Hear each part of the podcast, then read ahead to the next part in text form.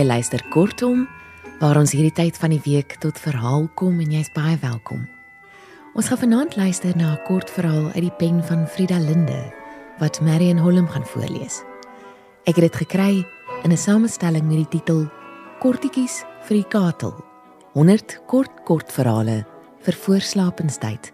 Saamgestel deur Lindekie de Beer en uitgegee deur JP van der Walt. Die storie wat Marion gaan lees, noem Frida Linde die ontmoeting.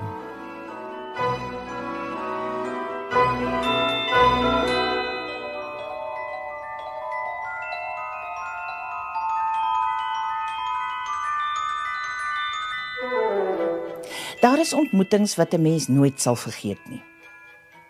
Dit was die vooraand van so 'n ontmoeting. Die kinderboekuitgewer sou my kom haal sodat ek eindelik die groot digteres kon ontmoet by geleentheid van haar soveelste toekenning. Ek het hom die vorige dag op kantoor gaan besoek. Toe sien ek die uitnodigingskaartjie op sy lesenaar lê. "Jy's gelukkig om die okasie te kan bywoon," sê ek. Al die hoofde van die firma het die keer uitnodigings ontvang. Ek wens ek kan haar ontmoet. Wel, wie saamgaan? Hy bekyk sy kaartjie.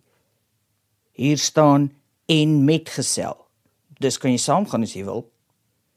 Dankie. Ek wil graag. Ek het twee bundels van haar wat ek wil laat autografeer. As jy my sal bekendstel. Natuurlik. Ek ken haar op 'n manier, het haar al ontmoet. Hoeveelste toekenning is dit? vra ek. Ons sal moet weet wanneer ons al geluk wens. Ek kan in haar leer gaan kyk. Ek weet sit op een tydstip elke jaar of 2 wanneer 'n bundel verskyn, 'n prys of 2 ontvang. Ja, kon onthou, al die digters was naderhand al kwaad. Almal. Hy lag. Dan moes dit 'n groot kwaad gewees het, want daar's honderde Afrikaanse digters. Wel verskeie was kwaad, korrigeer ek myself. Maar het ons regtig so baie digters? Dit kan mos nie wees nie. Hoekom nie? In Fanie Olivier se goudaar versameling is 80 opgeneem, waarvan sowat 70 nog lewende digters is. En dis net die wat oor Johannesburg gedig het. As mens nou die ander wat nog nie oor Johannesburg gedig het nie, sou bytel, dan moet daar seker honderde wees.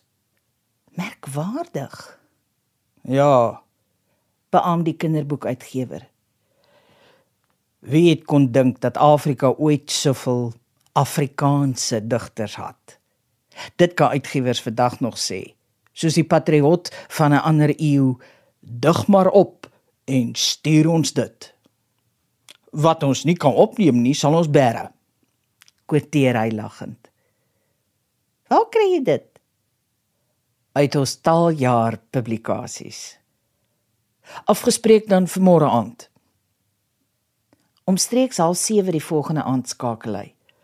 Ek sal so om by 7 uur by jou wees. Maar is dit nie bietjie vroeg nie? vra ek verbaas. Ek kom bietjie vroeër omdat ek eers 'n saakie met jou wil bespreek. 'n Vertaling. O. 'n Vertaling waarvan? The Fairy Doll van Rumer Godden. Ek gaan nie 'n boek vertaal met fairy in die titel nie maar jy het 4 van haar boeke vir 'n ander uitgewer vertaal. Nie fee stories nie. Die een is ook nie. Jy sal sien, ons kan dit bespreek, sien jou net nou. Die telefoon klik. The fairy doll. Die fee poppy. Nee. Ek vertaal nie 'n boek met fee in die titel nie. Net nou word my naam vereenselwig met fee stories. Hy wil my alweer met 'n slap riem vang. Ek word sommer warm agter die nek oor die onverwagte wending. Ek voel weer hoe vlekkies van draad en muskietnet agter my skouers vasgemaak word. Ek wil nie. Ek wil nie. Maar ek moet. Jy beter of Ek kry 'n stok in die hand met aan die punt daarvan 'n ster uit karton geknip wat ek self met sigaretpapier moes oortrek en die stok ook. Met die lang blink stok met die simpel ster daarin moes ek op die plaaskool se platform rondspring. Nee, nie spring nie. Spring sou nog kon gaan, maar passies maak. Stadige passies op die maat van musiek. 'n Rabbedoes is ek. Sit daar, die Engelse fietjie. En vir al die mense. Daar het dit nie opgehou nie. Fee het my agtervolg. As tydskrifredaktrise het Fee stories my deur die pos getuister. Onbeskryflike pogings met ingekleurde tuisgemaakte tekeninge daarbey. Hoe ontkom 'n mens aan die dwang van jou omstandighede? Nou moet ek weer wal gooi teen vertalings. Die kinderboekuitgewer kan gerus op sy kop staan. Ek het baie meer tyd vir 'n slonsige eerse leprechaun en 'n lelike Noorse trol. Ag, vergeet van vee. Ons het mos ons eie Tokolosi. Hy's ten minste boerling van ons warm droë land. Juis by hierdie opheffende gedagte klop die kinderboekuitgewer met 'n swierige gebaar asof dit 'n klein noot is, plaas hy die boek op die tafel. The Fairy Doll, sê hy maar is nie 'n vee storie nie. Dit klink dan een. Wat het jy teen vee stories? Hulle voorsien tog 'n groot behoefte. Hulle eindig gewoonlik gelukkig en hulle los spanninge by die kind op, ek weet. Ek het niks daarteen nie. Niks daarteen dat ander mense vee stories skryf as dan nie al genoeg goeies is nie, solank ek dit nie hoef te vertaal nie. Het jy iets teen heldeverhale? Natuurlik nie. En volksverhale? Nee. Daar bestaan pragtige volksverhale, werklik.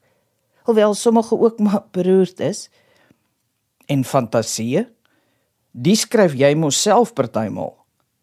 Dit is so ja. Gelukkig weet mense watter soort verhale ek skryf. So? Nou kom nie vee stories nie dink aan die groot Tolkien. Jy gaan nie by my verbykom met Tolkien nie. Hy het juis 'n afkeer gehad van fietjies wat in blomme sit. Hy het grootse fantasieë geskryf. Kan jy sy werk 'n verband bring met 'n vee wat in 'n primrose sit?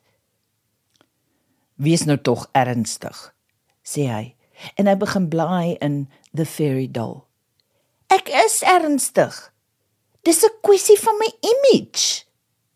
Ek het darm tog seker 'n image, 'n beeld by my lesers. En omdat ek die vee stories skryf nie, wil ek hulle ook nie vertaal nie, want my naam verskyn daarbey. En dan kan mense my met vee stories assosieer. As uitgewer verstaan jy dit tog? Ja, as jy dit so stel. Hy blaai en blaai nog aan mekaar. Ek sal die titel verander. sê hy en kyk vraend na my. Die kind in die verhaal is 'n ou dogtertjie wat niks kan reg doen nie. Sy is so lomp dat sy nie eers haar fietsie kan beheer nie. Toe gee haar grootouma vir haar die daardie poppie. En die dogtertjie ontdek dat wanneer sy die poppie by haar het, alles regloop. Die poppie word haar gelukbringer, jy sien, deurdat dit haar selfvertroue gee. Nou wat van die gelukbringer? stel ek voor. Of nee, nog beter, die gelukspoppie. Wonderlik, roep die kinderboekuitgewer uit. Die gelukspoppie. Dan sal jy dit vertaal. Ek sal dit oorweeg. As jy sal sorg dat ek vanaand die groot digteres ontmoet. Geen probleem nie. En ons sal nou aanstaltes moet maak. Moenie die bindels vergeet wat sy moet autografeer nie. Ons het nie die groot digteres voor die tyd te sien gekry nie. Maar toe die oorhandigingsseremonie eintlik oor is en sy op die huldigingswoord geantwoord het, word wyn en worsies in 'n sysaal bedien. Nou soos kans, sê die kinderboekuitgewer. Die mense staan die bekroonde digteres so toe dat 'n mens haar glad nie kan sien nie.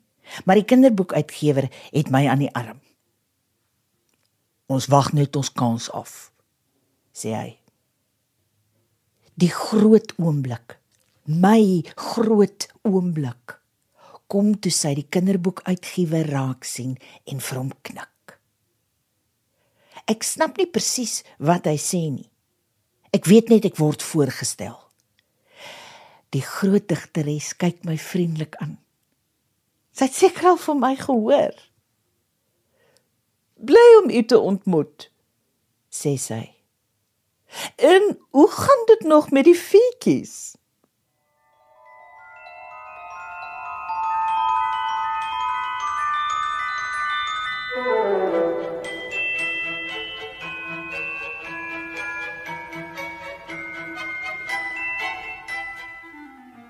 Dit was dan Die ontmoeting deur Frida Linde, voorgeles deur Marion Holm. 'n Mooi aand vir jou. Tot volgende keer.